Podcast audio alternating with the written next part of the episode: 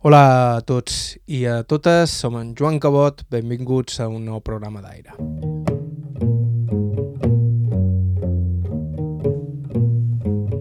De religiosos peculiars ja n'hem escoltat uns quants per aquí, però diria que cap com el testimoni d'avui.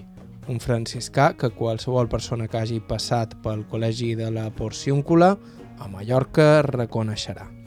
Ella és Pere Ribot, un home que va néixer el 1945 però d'una vitalitat i bonomia envejables, que fins fa poc era fàcil trobar-te'l fent de jardiner pels voltants del col·legi i que va passar bona part dels seus primers 40 anys de vida fora de l'illa, de missions per Brasil i Perú, jugant-se al coll en ocasions, en aquells anys en què la teologia de l'alliberament posava en dubte el vell ordre.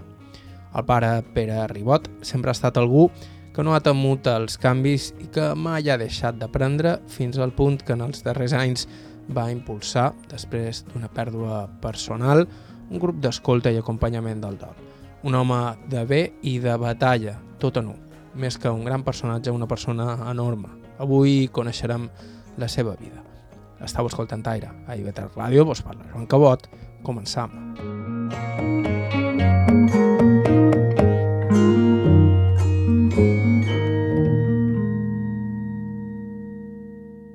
I ho feim amb les habituals presentacions. Aquí teniu el franciscà Pere Ribot. Que comença?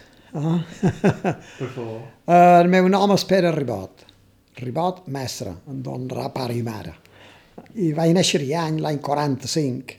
I vaig viure pocs anys de any perquè mon pare el que era través a terra i aquesta vida no li acabava d'agradar gaire i va decidir sortir. Jo tenia llavors 3 o 4 anys, me pareix. Sí, 3 o 4 anys tenia. A partir d'aquí varen començar uns anys de peregrinació per motiu de la feina de son pare. La família de mon pare tenia terra, però més ben el meu pare eh, se dedicava amb un tio seu a la construcció.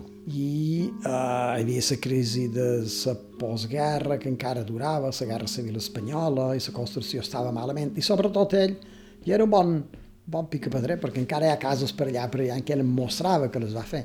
Però va tenir una altra gràcia, i és que estant el seu tio, que era el seu mestre, damunt l'endemiatge, va caure i va, se va esclatar en els seus peus. Això el va impactar. El va impactar. I va decidir sortir del poble i anava cercant feina, hi havia poca feina de construcció. I el barber li va dir, Toni, diu, tu, uh, no vas anar a la guerra? Diu, sí vaig haver estat eh, uns 18 anys, i vaig anar, i llavors vaig veure, total, he fet 6 anys de mili. Diu, i no, Toni, tu el que has de fer, fet a la Guàrdia Civil, no passaràs fam. Això t'ajudarà bastant ja dins la vida aquesta. I, i se'n va anar cap a Sabadell, i mentrestant érem tres germans, jo era el major, al cap d'un any hi havia el meu germà, al cap de 15 mesos, i després al cap de 15 mesos més hi havia la germana, tres. I l'infància, jo record, eh, el quartet, la Guàrdia Civil, que era com una espècie de comunitat, recordo Sencelles, el carrer General Gotets, de, que m'apareix ara és una, una casa de cultura. De vegades jo hi pas per Sencelles, perquè de Canaris va anar a Sencelles, perquè el primer destí de mon pare va ser a Canaris. Uh, Gran Tarajal, a Fuerteventura, una pobresa que hi havia allà. Mort duen saigo en depòsits en el me record que venia una dona a munyir unes cabres perquè poguessin veure allà. Era, era, era miserable allò de Mon pare va veure allò d'allà i ma mare tot una que varen, però varen demanar per tornar a Mallorca. I clar, no tot món diguérem anar, jo devia tenir sis anys, en Miquel cinc, i ne vàrem tres i mig, vàrem estar tots anys allà i varen tornar cap aquí. I en els deu anys és quan vaig venir aquí a la Porcíncula en aquell temps si volies estudiar havia d'anar a un internat, no, no era com ara que pots estudiar en el seu poble pràcticament a un autobús que tot d'una banda a l'altra. I vaig venir aquí a la Porcíncula, l'internat d'aquí. Els internats en aquesta edat ara són mal d'entendre. En aquell moment, bueno, perquè eren molts, uns se n'anaven, els altres tornaven, i que acabassin el batxiller començant a baix eren pocs, varen ser pocs. Se van anar afegint, jo el que he acusat sempre ha estat que he estat poc en la família. Però jo me vaig donar compte de la família, de ser sincer, quan vaig tornar a Mallorca, de, perquè me'n vaig anar als 26 anys, Perú, llavors Brasil, Roma, Madrid, i vaig tornar aquí a Mallorca, tenia 40, 40 anys, o 42 anys, i és quan me'n vaig donar compte, dic, conyo, jo en la meva família està poc, perquè els estius me llogava com a guia per fer viatges, i me'n vaig donar compte de que havia tingut la família, per part meva, jo abandonada. I és quan vaig fer la promesa de seguir a Mallorca.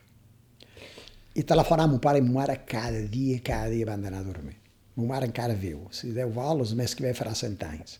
Però les vaig telefonar cada vespre, cada vespre, cada vespre. A les 11 sabien que les cridava. I el cap de setmana menjant amb ells. Perquè era com una culpabilitat que sentia de dins. Eh?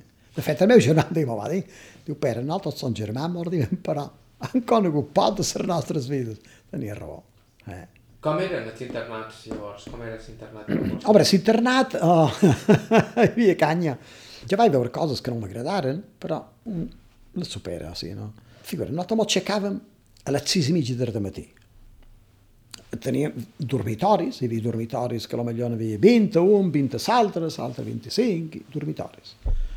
I el matí m'ho aixecàvem, te diré l'horària, m'ho pare que era així, m'ho aixecàvem a les sis i mitja, mos donaven mitja hora per rentar-nos, un lavatori públic, allà cada qual en sa ribella i grifós al mig, fresca, aigua fresca.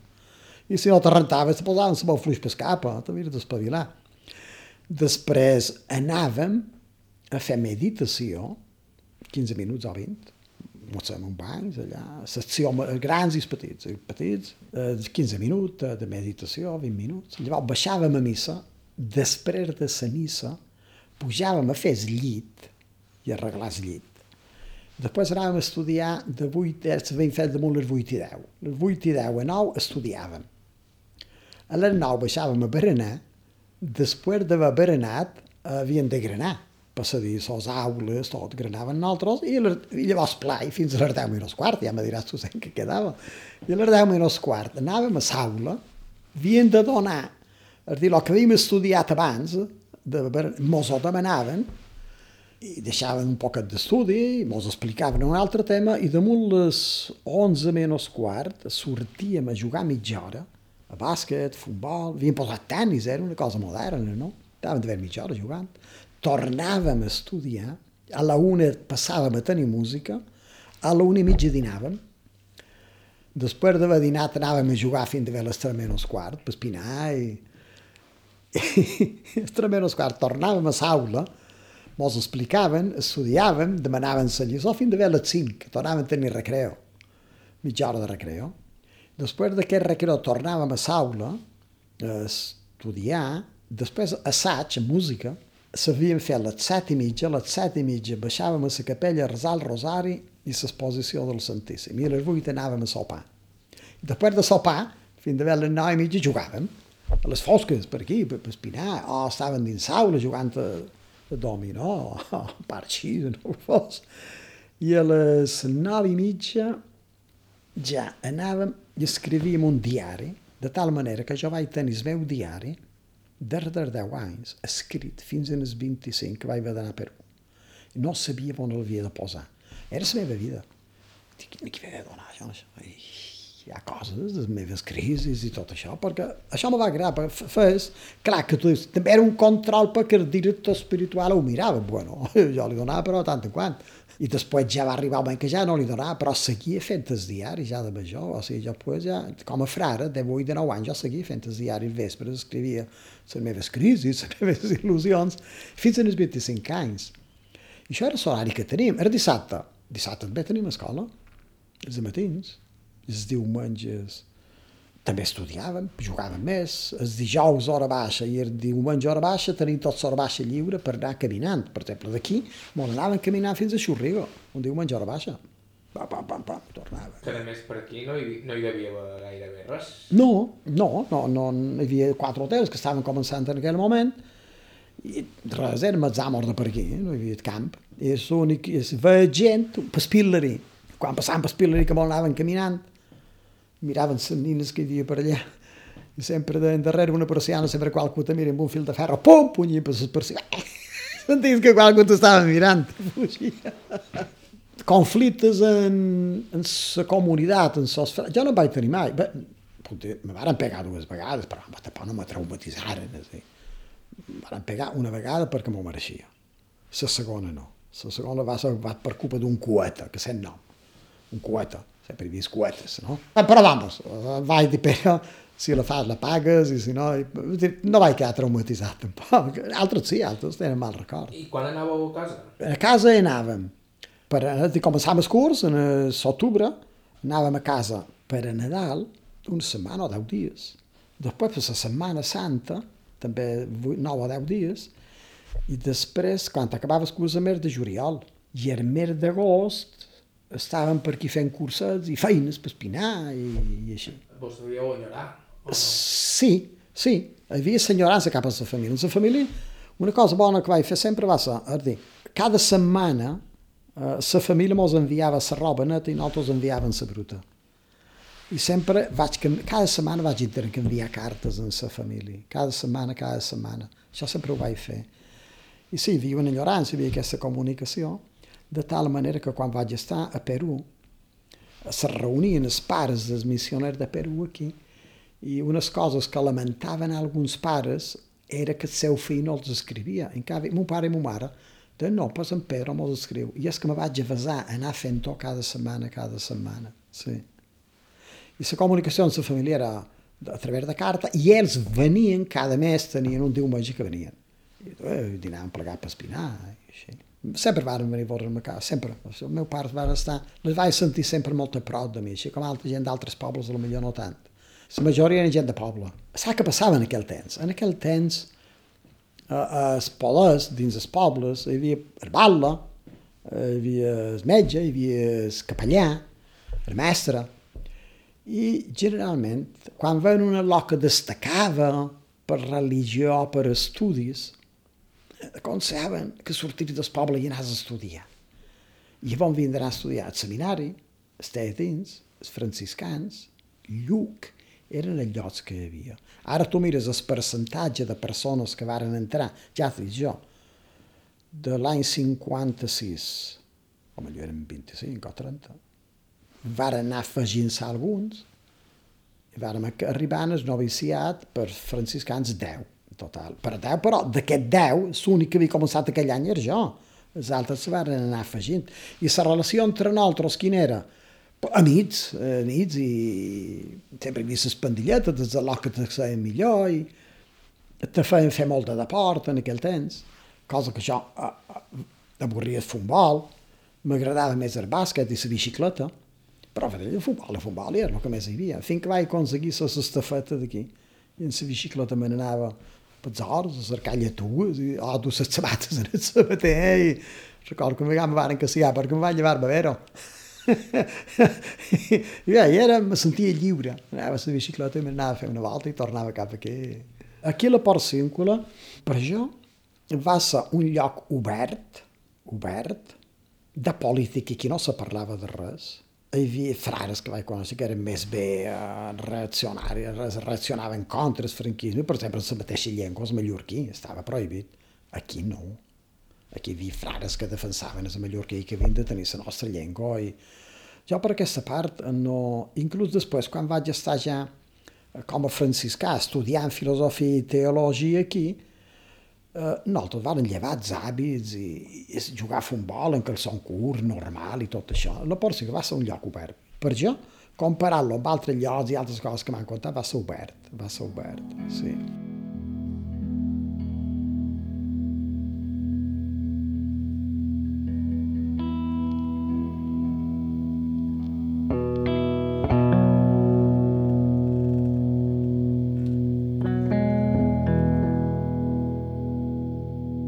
Pere Ribot ja no sortiria mai de l'entorn franciscà i continuaria, malgrat els dubtes i crisis personals, en la vocació religiosa. Vaig venir aquí i sí, des que varen començar en aquell moment, me pare que vaig quedar tot sol ja.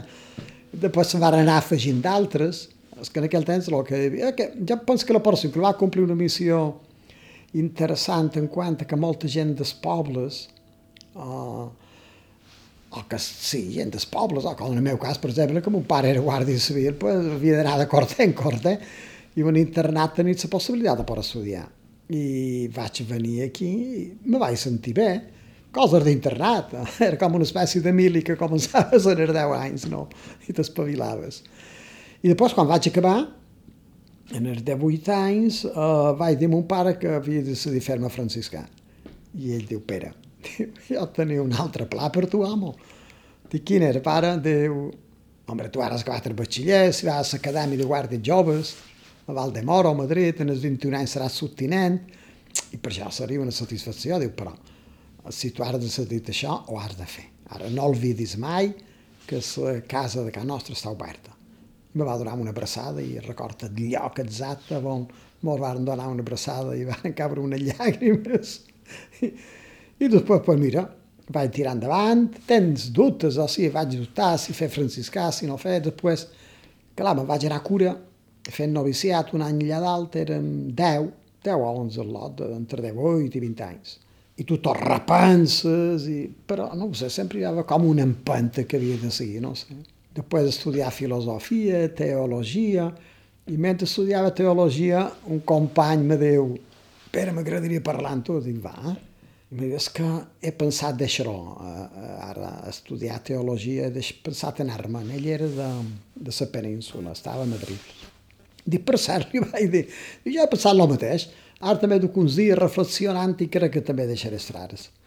I me diu, Pere, si jo fos com tu, seguiria. Dic, bé, bé, tu un poc escarro tu decideix anar-te'n, m'ho dius, jo te dic que també estic en la mateixa situació que tu, i ara me dius que jo...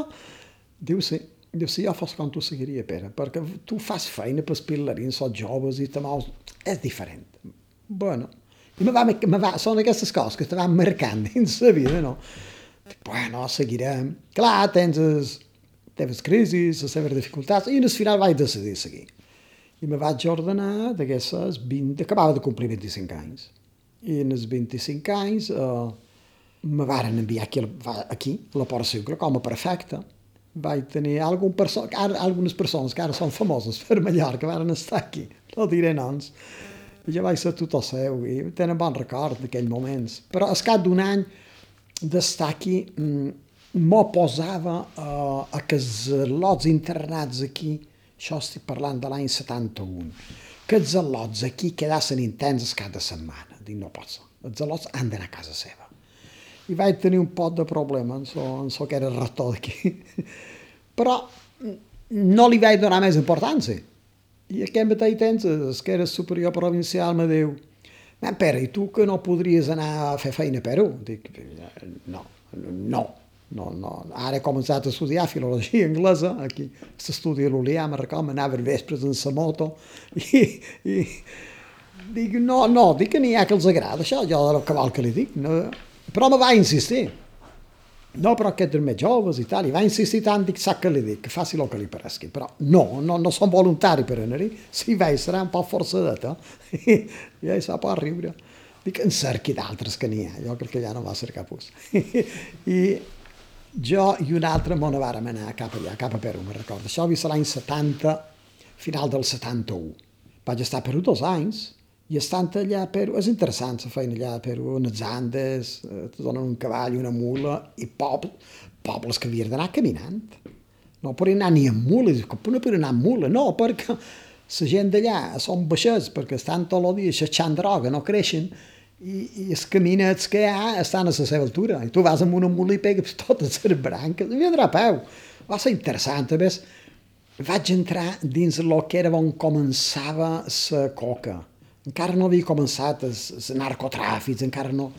Però eh, allò era un lloc ideal, de tal manera que allò que en aquell temps anava, els frares, anava un pic a l'any, i érem els únics, que no érem indis que anàvem allà, ara són els centres de droga. Jo jo vivia amb aquella gent i, i les ajudava a agafar les fures de la droga. I, interessant la feina allà, interessant. Però estant allà, vam tenir una visita general de Roma i varen demanar un voluntari per anar a Brasil, a Mato Grosso. I dic, hombre, si ningú dels que hi havíem allà, érem un equip de 10-15, ningú se presenta. Dic, no, jo hi puc anar, però no voluntari, és dir, no com a sacrifici, que per ja me dona satisfacció conèixer món, no? Dic, jo puc anar, no hi ha cap problema ni on. Ah, sí, sí, sí, sí, sí vale. I vaig anar a Mato Grosso, a Brasil. totalment diferent. Totalment diferent. Una cosa és viure en els Andes a 3.500 metres, 3.000 metres, pujar, baixar muntanyes i, i allò trobar-te ja dins el mato, ja eh, el clima, la natura, fa les persones. Eren diferents.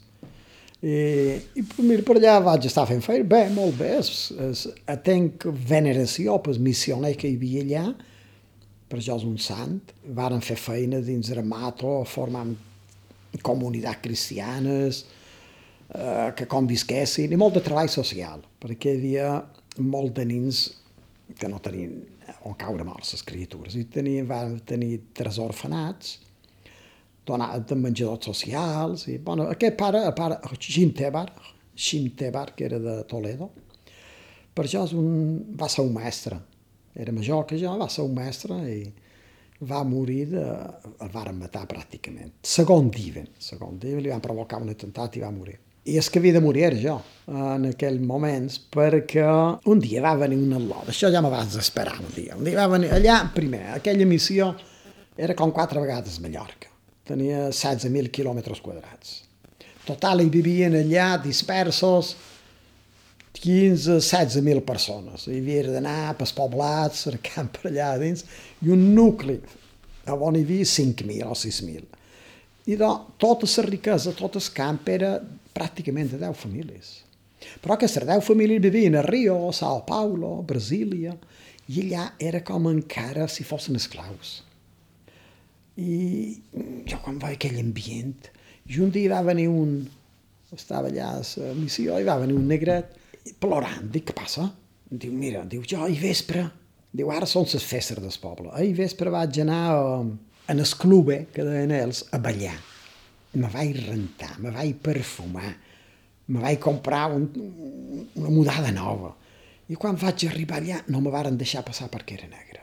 Cony, vaig dir jo. Dic, vale, va, va, va, vam estar xerrant, no sé, però són coses que me marcaven. I vaig dir en, es, en en Tebar, en en Xim, Dicim, di demà tenim missa a la festa. T'importaria que quan facem el sermó jo pegui ataqui aquesta vegada? diu, què ha passat? Li vaig contar, diu, feu. Diu, ja he dit moltes vegades, diu, aquesta injustícia espera. Dic, sí, i què hem de fer? Callar. Diu, no, hem de canviar. I aquest dia vaig parlar sèrio, perquè tenia les festes de la missió i això pues, hi havia les persones que tenien totes, totes poden d'allà, no? I vaig parlar, dic, estem aquí ara davant Déu, pare de tots, pare vol dir que, té germà, que, que nosaltres som germans, i germans rics i germans pobres no està bé, això hauríem de mirar a veure com ho canviem. I vaig parlar més o manco clar. I a partir d'aquest dia ja me, me varen, crec que me varen anar seguint, perquè després per coses que vaig saber, no me varen donar mai els papers, vaig sortir dues vegades, ja la tercera ja era perillós, de sortia i tornava a entrar i sortia per la part de Bolívia. Uh, i, I ja la tercera vegada, ja que vaig sortir, va ser definitiu, perquè vaig anar uh, veient que no m'ho donaven papers, ja feia dos anys, dic, vaig a parlar, soc comissari de l'estat. I vaig anar parlant, soc comissari de l'estat, vaig entrar a comissaria, vaig anar a la secretària que estava allà, dic, un servidor sol d'aquí de Poconé, i m'agradaria parlar amb la comissari. Diu, ah, Poconès, era coneguda com a a lloc cristià, de comunitats cristianes, però obertes i... Eh, Mato Grosso coneixíem, en Xim va fer molt bona feina. I va sortir a lota, va anar, i després torna. Dic que, diu, el comissari m'ha dit que el rebrà com a amic. Dic, com a amic? Dic que bé, no? Diu, va fer així com que dic, no ho sé. I vaig entrar, el comissari s'aixeca. Diu, Padre Pedro, diu, Padre Pedro, diu, jo som cristià i el rep com a amic. Dic, ah, està molt bé, és cristià, mos han d'estimar. Diu, sí, però vostè no entén el que li vull dir, no? Dic, no. Diu, vostè no està a Brasil ara. Dic, no. Toca estar fora. Sí. Bé, la mà cot sincer. I què vol que faci? Diu, se'n vagi tot d'una. Dic, què? Diu, se'n vagi. Jo ara mateix l'hauria de detenir. Dic, però per amor de Déu, dic, què he fet? Vagi, se'n vagi. A més li diré, jo estic enviant uh, gent que controli la predicació que fa. Són re, ordres que rep de Brasília, del govern. I diu, per cert, fa tres dies un que havia anat allà a demanar informes a la missió de vostra, uh, quan venia cap aquí va morir. Dic, com que va morir? Diu, sí, va travessar un animal, com que et salva, no? I venia el cotxe ràpid per aquest camí de selva que pot córrer perquè és pla i més o manco amples però a terra i, i van trobar mort de matí. I jo encara res per ell de vegades perquè policia. Diu, uh, per favor, Pere, ve-te'n. Dic, ai, ai, ai, diu, si fes, feu, perquè pot acabar malament. I me va donar una abraçada. Diu, com amic, ara ho entenc, sí, com amic, te dono les gràcies. Vaig anar cap a la missió, i va dir a l'altre, en Xim, dic, Xim, m'ha passat això? Diu, bueno, diu, ara mirarem. I va telefonar un, un diputat de la Federació de Mato Grosso i tal i qual, i, i li va dir, mira, ara vendrà un cotxe que treguin Pere tot d'una i que se'n vagi per allà on ja sap. Ja li diran coses. Conyo, dic, Xim, i això va? Dic, no ho sé. De fet, van venir un cotxe allà, un senyor, Uh, me diu el pare, Pere, qui és? Dic, són jo, mateix. Diu, està tot sol? Dic, sí, perquè el pare així se n'ha anat. Diu, idò vengui jo, agafi una maleteta, dues camises i m'on anem. Dic, però on anem? Diu, m'han dit que vostè ja ho sap. Dic, hombre, sí. Vaig anar, vaig preparar, vaig posar el cotxe. Dic, i vostè qui és? Diu, ja som, me recordo el nom, uh, Newton. Són Newton. I són Killer. Dic, què? Vota mata sou? Dic, sí. Me diu, sí, mat a sou. Dic, però bueno. Dic, estic assustant, jo som un home pacífic. Diu, miri, uh, aquí hi ha gent que li vol mal. Diu, i si no fos perquè estic casat i tenc fills, jo sé qui són. Jo he mort a sou. Me va mostrar un revòlver que duia dins la guantera amb unes senyes i tots aquests, jo els he mort. Allà, la vida allà era bona de llevar. Vas dir hi ha un, un poder dins aquell lloc que i això me feia... I tot ara anar cap a, cap a Bolívia, tres hores de camí. Vàrem arribar allà i vaig a la duana i dic, anem aquí, la duana, que és una caseta de canyes que hi ha un reu i diuen aquí, Brasil, aquí de Sar Bolívia. Vaig presentar. Oh, una altra vegada me varen dir, dic, sí. Dic, bueno, una pregunta. Quan surt un ordre de detenció de Brasília, quin temps està a, a arribar a vos a vosaltres? Diu, uh, tranquil, tres dies, encara no ha arribat. I vaig passar cap a, cap a, cap a Bolívia. I allà me vaig topar que no hi havia carretera. Uh, hi havia un avió cada setmana, me recordo, de dijous. Evacuava la gent cap a, cap a Santa Cruz. I, i va estar una setmana per allà, el missioner d'allà, que era un alemany, no me volia rebre, perquè deia que era un perill, i... però va, ser una setmana entretenguda, entretenguda, que demanava jo en el poble d'allà, perquè me van treure. Perquè jo no podia permetre que un senyor que tenia un, un, una fazenda que deien allà, que hi anava 45 minuts per damunt en l'avioneta volant damunt el seu terreno, els treballadors que tenia encara havia dret de per nada. I aquell treballador que anava a demanar-li feina, el primer que li demanava era una camia i un calçons i un vestit per la dona i un quadernet per nin per poder anar a escola. Quan ja, quan ja acabava de pagar en feina el que aquell home li havia donat per comprar lo imprescindible, ja, ja havia de demanar de vell nou. I, o sigui, era una esclavatge, vivia en deute constantment. I, I això va ser una de les coses que jo les vaig dir, això les vaig pipar un poquet, de dir, dret, i la trolla i l'alliberament que vol. No, han de lluitar perquè tot puguem viure dignament. Què passa en aquell temps a Amèrica a Llatina? Que en contra de... no interessaven els governs la teologia de l'alliberament, no interessava. Al govern li interessava un tipus de religió que predicat la submissió, la voluntat de Déu, ja arribarà al paradís, ardent. I això, les sectes, ho fa molt bé. I varen entrar moltes sectes, moltes. I, i segueix encara la cosa. Però la teologia té coses molt bones i que s'haurien de dur a terme. La dimensió... Nosaltres no podem oblidar l'actitud que han de tenir davant els problemes socials.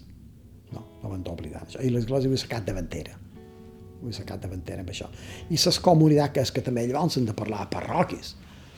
comunitats cristianes que també tenen un compromís social dins del poble. Hem d'anar un poc per aquí. Pens. Era el pare Pere Ribot, nascut a Ariany el 1945, protagonista del nostre programa d'avui.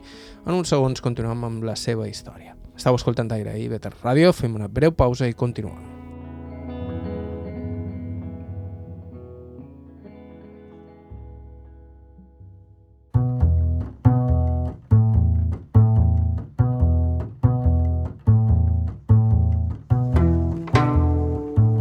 Hola de nou, som en Joan Cabot i estàu escoltant Aire, avui amb un protagonista d'excepció, el pare Pere Ribot, franciscà, durant anys director del Col·legi La Porcíncula i una persona que ha tingut una gran influència en diverses generacions de joves, tant alumnes laics com religiosos, a més de tota la gent que ha rebut la seva ajuda a través de, per exemple, el grup d'escolta i acompanyament al dol que va fundar juntament amb el seu germà i cunyada. Tot això després de tornar a Mallorca, després de passar dècades fora i passant per Roma i Madrid després dels seus anys de missions. A Madrid hi vaig estar després de Perú i Brasil, vaig anar a Roma, vaig estar uns anys a Roma i després vaig anar a Madrid i allà a Madrid me van demanar que me'n cuidàs dels estudiants de filosofia i teologia, és dir, joves, entre 19 i 22 anys que volien ser frares, i vaig compartir amb ells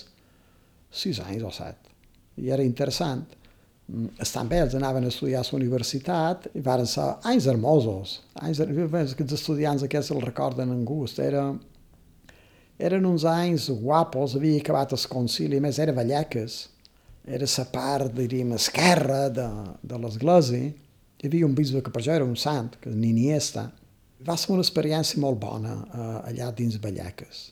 Va ser una experiència guapa i en són estudiants aquest també. I estan John Bells, ell tenia en crisi, jo també en tenia i compartíem i van arribar a crear un grup més bé d'amics, no un mestre que ho sap tot, sinó una persona més major que vosaltres, que ja ve rodada del món i que vos acompanya a fer el vostre camí.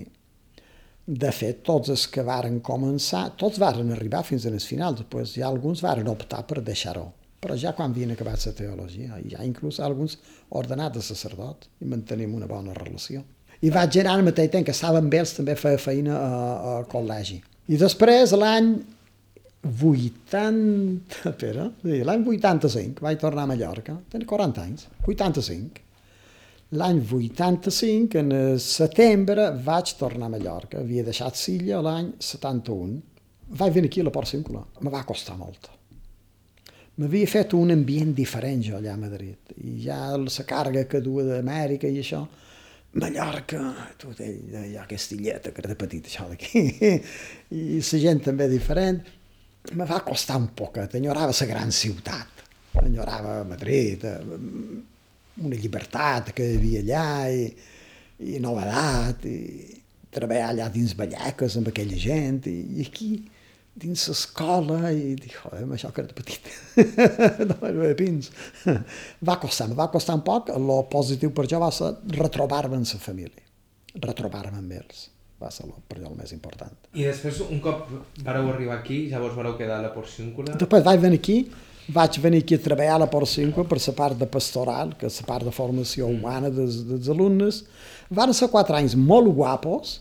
Mira, te contaré una cosa. Fa dos anys, una, una senyora me va passar un WhatsApp dient Pere, sabut que tens aquest telèfon i tal, i, i te vull donar les gràcies perquè la nostra vida se varen creuar un dia. Dic, no sé si te recordes, fulaneta de tal. Dic, sí, jo me recordo aquesta lota, vaig dir jo. Per tant, per això era l'any 85. I me diu, vaig contestar, dic, sí, som per aquí. Dic, si diu, vols parlar un poc? I diu, sí, vendré el meu home i que t'ho de demanar una sèrie de coses d'aquí de la Porcíncula. I, i me diu, estàvem aquí a la Porcíncula i amb això varen veure arribar una, una sanglas, una moto. Tut, tut, tut, tut, tut, tut, un senyor va baixar i nosaltres vam dir, aquí, que vengui en moto no ve ningú. I vam mirar per la finestra i van entrar dins la nostra aula i nosaltres mirant de mi aquest. Diu, som el nou professor de religió, mos va dir, no, perdó, no, hi venia un frare aquí, se tenia cara de frare, i aquest mos vam una moto de fora, de raro de I llavors mos va remarcar i mos va dir, sabeu què farem? Mos hem de dur bé. en de samits. Jo vos el que pugui de religió i compartirem. Però la primera escola la fora.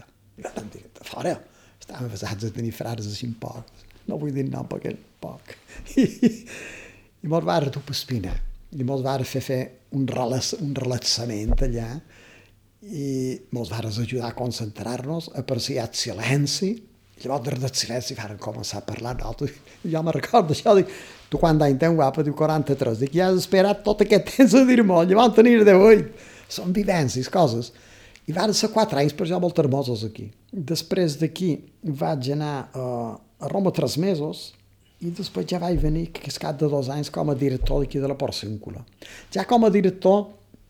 Mm, ja la relació ja és diferent, no? perquè l'escola ja ha de funcionar, el pastoralista és més amable i això, però molt bé, vaig renovar bastantes coses, una APA molt activa, per carnaval sempre parlàvem les nostres carrosses i guanyàvem el primer premi de Palma, un any vam guanyar el primer premi de Palma, per nosaltres va ser una festa grossa, això vol dir que hi havia una APA molt propera en el col·legi mos duen tot molt bé, va ser anys guapos, i després d'aquí, l'any 97, vaig passar a Inca, a la direcció del col·legi d'Inca, també molt bé. Després d'allà eh, va venir un moment crític, també, un moment crític, va haver un canvi de comunitat, no mos vam entendre, eren dues maneres de pensar diferents, i jo vaig optar per anar-me'n dos anys a Madrid que volia fer la tesi doctoral en ètica, que abans havia estudiat. Estant en estudiants a Madrid, jo també anava a la universitat a estudiar i, i estant allà a Madrid fent això, que havia demanat dos anys d'esclaustració, està fora del convent, perquè me va impactar, dic, aquest tipus de frares eh, que pensen, bé, no sé què sermó que no te mi el professor de filosofia i jo ara no anar res. Ell només va canviar de convent, jo vaig dir, no, vull demant dos anys estar fora del convent, perquè jo he de repensar en poques coses. I, i estant allà a Madrid va morir una nebodeta meva, que és aquella, aquella nineta d'allà va morir d'accident de tràfic en els 25 anys. Això me va impactar també. I de, de llavors és quan vaig dir, oh, això de la mort es, arriba. I vaig fer una associació aquí d'acompanyament en el dol. Això devia ser l'any 2004. I des de llavors anàvem fent això, en son pare i sa mare de Nacata i altra gent, eh, l'acompanyament en el dol se molt de gois tindràs un altre fill, vas d'olvidar, i... no, perdó, no? Uh, jo som de l'opinió, nosaltres les persones no han de tenir por els sentiments. Els han de donar cara, els, uh, els han de viure. Les emocions, el mateix, dins el dol, sent tristesa, sent tristesa, viu la tristesa que sents i demana per què sent tristesa. Viu-la. I després veuràs. I si la pot compartir amb qualcú, comparteix-la i, i, i per aquí hem d'anar. I el dol és un procés que intent dura, ni se n'ha de parlar. No és el mateix perdre un fill d'un accident de mort sobtada que perdre una persona ja major després d'una malaltia de càncer de mesos i que ja estava més allà que aquí. És dir, cada dol és molt diferent. Ara, hi ha uns, uns, unes etapes que se repeteixen i això sí, fer saber-ho. Però no se pot generalitzar mai el dol, és dir, cada un viu el seu dol i, i no s'han de comparar. Cada persona té el seu dol, depèn de l'unió que tingui. El dol més curt que ha passat, sap quin és? Me recordo, la senyora va venir aquí que volia parlar amb mi i era per dir-me que el seu home havia estat un cabró. Dic, bueno, dic, no havien de fer d'altres, sí? Li vull dir això. Dic, ho digui. Dic, ara me digui per què. Perquè després de mort en el testament havia deixat tota una querida que tenia. I a mi no em va deixar res. Dic, senyora, dic, me conti, digui tot el que hagi de dir, perquè vos té necessitat de viure aquest dol, té necessitat d'expressar-lo, me conti. Se va esperar i va dir tot contra l'home i dic, vale, vale, ara jo resaré per ell perquè no se'n vagi l'infern, però posta, res, va arribar a ser un dol així d'una vegada, van arreglar-ho, però tenir necessitat de dir això, aquesta dona, de dir, cada dol és diferent i ha, de, i de facilitar que aquella persona pugui expressar el que està sentint en aquell moment i ajudar-li a pensar, però ell és la protagonista, la persona que el viu. Jo vaig voler saber què era el dol i vaig fer un màster en counseling, que és, saber escoltar la gent, no? fer una escolta activa que ajudi a que un vegi que el problema té una solució i ell mateix li pot posar, si vol. És una teràpia interessant aquesta. Van ser dos cursos, després va fer dos cursos més damunt uh, màster com a acompanyant el dol. I mentre vaig fer feina a Sant Joan de Déu. I allà EAPS, equip d'apoyo psicosocial, vaig estar amb ells fins que em vaig jubilar als 65 anys i després vaig passar a Son Espases. Quan van obrir Son Espases, estan 9 anys fent feina a Son Espases també. Fins que vaig optar, ara fa 3 anys, deixar-ho. Perquè el col·legi que tenim els franciscans ja no ha frares. I vaig pensar i dic, cachi, jo, el que faig a l'hospital està molt bé, però i els joves me preocupen. Me preocupa l'educació i vaig anar, a dir, vaig des d'aquí a Inca i faig convivències amb els al·lots, parlar amb ell d'una manera diferent, com feia aquí del 85 al 89, i és una presència de, de pau i veler, dic jo, de, de les persones pacificades i pacificadores, i això avui dia s'ha de fotut. I els joves d'avui eh, cada vegada ho tenim més difícil. Eh? I això ho diu algú que sempre ha viscut la seva religiositat d'una manera personal i que admet que mai va sentir una revelació que el conduís cap a aquesta vida. No, jo no he tingut una revelació mai, no l'he tinguda. Ha estat el dia a dia, venc aquí, visc aquí, veig gent que se'n va, jo decido quedar lliurement. Jo és que això mateix me dius, i com has arribat fins ara?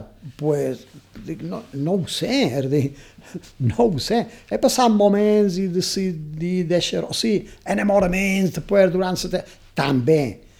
Uh, dir, uh, I me dic, i per què estic aquí ara? I com he arribat aquí? Home, te cuides un poc, uh, et cuides la fe, dins tu hi ha la consciència de bueno, sí, pot sortir, em puc casar, me varen oferir, me record, quan tenia 38 anys o 39, si volia, com que feia de guia, me llogava de guia els estius.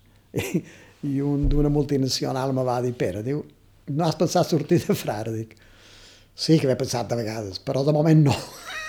diu, no, perquè si vols, uh, te'n podries anar en representació de la meva, de la meva companyia, però hauria de ser a Àsia. Dic, home, me faria il·lusió conèixer Àsia i estar allà fent feina. Diu, també te pagaré bé. Eh? Va, va. I són moments d'aquests que tens i llavors tu penses, dius, què faig? Vaig començar aquest camí seguirem. Dir, per jo Déu és, és, és el meu pare, és una sa familiar, m'ha ajudat i jo vull transmetre la possibilitat de, de, de la fe. Però no he tingut cap revelació, eh? no, no, no, no. He, he treballat dia a dia, dia, crisis, dificultats, sí, dubtes, també, també, sí, sí, sí. Crisis, Hombre, una que sempre hi ha és que si tu ets una persona opta per no casar-se, sempre, sempre hi ha la manca de la dona, no? Uh, intentes uh, superar això, però no de manera massa espiritual, també tens dret a enamorar-me. I tens dret a una amistat fins a cert punt, pues, he de viure aquesta amistat, és dir, no, no m'he de crear, uh, perquè ja he tingut gent que han estat misògins, no, al contrari, naturalment normal és que pot estar amb una dona i pot parlar amb ella i això pot encaminar a través d'una amistat sana i llavors si t'arriba el moment dius, he decidit casar-me. Però el moment què n'he passat? N'he tingut, és vera, en quant a la part diríem afectiva en quant a la part religiosa mmm, dubtes. També. I per això, mm, per exemple, quan vaig venir de Brasil després de lo que vaig haver de viure per allà i de més, jo en aquell moment mm, vaig decidir anar a Roma a estudiar teologia espiritual, perquè jo de dir, Déu meu, jo venc aquí, ho deia tot, les forces d'aquest poders poden més que tu, i això, dubtes d'aquest també. I vaig anar a Roma, vaig estar dos anys i mig allà estudiant teologia, reforçant un poc la meva vivència religiosa. Ara, crisi, també t'entens, pues, ara, ara tu mires, dius, nosaltres acabam. I la vida religiosa, aquí a Mallorca, en general a Europa, està acabant. Però no únicament la vida religiosa com a frares, també a nivell col·lectiu, la dimensió religiosa, mm, jo penso que acaba un tipus de vivència religiosa. I hauria de tenir seny i valentia per poder... cap a on anar. Jo no crec que la gent eh, s'allunyi tampoc de Déu, ni de... jo crec que ha la transcendència, no? I hem de poder dialogar, poder xerrar, i en què t'ajuda a tenir fe, en què t'ajuda a viure, de... sentint-te amic de Déu. Jo, jo és que xer més de creure en Déu, tenir familiaritat en Déu, com aquesta sa del qual tot bé cap on jo vull anar. A Europa vivim un allunyament de la religió, i mos hem de demanar per què i cercar, jo crec en la bondat de les persones. A més, el carisma franciscà, és clar. Nosaltres s'ha creat la imatge de Déu i dins nosaltres tenim l'ànima, que és aquella bufada que va pegar Déu damunt el primer ser humà, que d'aquesta manera simbòlica molts contes de la creació, no? però que és lo important. Ha estat creat diferent de tot l'altre, ha estat modelat i se serveix de imatge de salfaré, que fa feina, gerrers, que fa fang, no? acariciant. I després diu, està bé, ara li donaré el meu hàlit, i Déu li dona sàlit. Això és ànima. Per tant, dins nosaltres, dins tota persona, hi ha una veta de bondat. Aquesta veta de bondat és, i mos hauríem de poder relacionar des d'aquesta bondat, des d'aquesta bondat. Mos relacionam des de traumes, des d'experiències negatives, des d'interessos monetaris, però per què no mos relacionam des de la bondat, no? I això és, per tant, me vas a Europa. Hem d'arribar a que la gent no dona en compte d'això i relacionar des d'aquí. Vocacions. Uh, així com estan les coses ara, s'ha d'anar molt alerta. S'ha d'anar molt alerta. Nosaltres abans a persones escopetades de, de petits i durant anys, i ara una persona que te ve de cop i sobte que diu, diu uh. no, no, no s'improvisa, la vida religiosa no s'improvisa. Ha de tenir un, un humus, un, un cultiu Vocacions no n'hi ha. No n'hi ha. A lo millor és que han de canviar el sistema de vida religiosa, també mos ho han de demanar, que és l'essencial. Si tu mires, per exemple, congregacions religioses, quan hi havia moltes vocacions, totes varen sortir per donar una resposta a necessitats socials no cobertes. Per exemple, hospitals. Uh, per exemple, escoles, per exemple, cases de veets. Totes aquestes feines que feien aquestes ordres religioses s'han professionalitzat. Les monges franciscanes, per exemple, a Mallorca, o les de la Caritat. Tots els pobles de Mallorca tenien un convent o dos. I aquelles mongetes anaven a les cases de les persones, les ajudaven a morir, feien escoleta, perquè no hi havia mestres per les nines o per cuidaven els infants, se preocupava, i el poble estava agraït i els donava la sobrassada, quan feien matances, els mantenien. Ara, clar, aquella monja que posava benediccions, que anava a veure els veus, ara això s'ha professionalitzat, és infermera, hi ha un PAC. Tot això, per tant, el que abans feien les ordres religioses, ara s'ha professionalitzat. Ara, clar, el que movia que era? Era la eh, consagració a Déu. Això és profund. Ara, aquesta consagració a Déu avui dia com està? Uh, està un poc allunyat d'aquest compromís. Està un poc, però tampoc no hem de ser negatius, hem de mirar men, com podem arribar a la gent i dir que viure la fe tampoc no és tan complicat i és molt humà i al mateix temps diví i gent que se volgués comprometre més en, en la vida religiosa, per exemple, els franciscans, anem acabant, vale. Hi pot haver professors que vulguin viure poc escaire franciscà, uh, col·legis. Per exemple, a Inca, són l'únic que hi vaig uns dies, l'altre són professors laics, hi ha bona gent. Hi ha, hi ha professors que volen seguir escaire franciscà. Bé, i do, aquestes persones que poguessin compartir també un poquet la seva fe, comprometre-se un poquet, és com ben nostres, que hauran d'acabar sent frares i que també haurà matrimonis ja jubilats que se comprometen o sense jubilar a compartir un poc la vida comunitària. Pues per què no? I un tipus de vida mixta, per què no? En d'obrir camins nous. Dins l'Església hi ha temes que són molt importants i no se toquen. Jo penso que és ben hora que se toquen. Que desestructura ha estat sempre igual. I? I? Locatrimes millor que locatendríem? És la meva pregunta.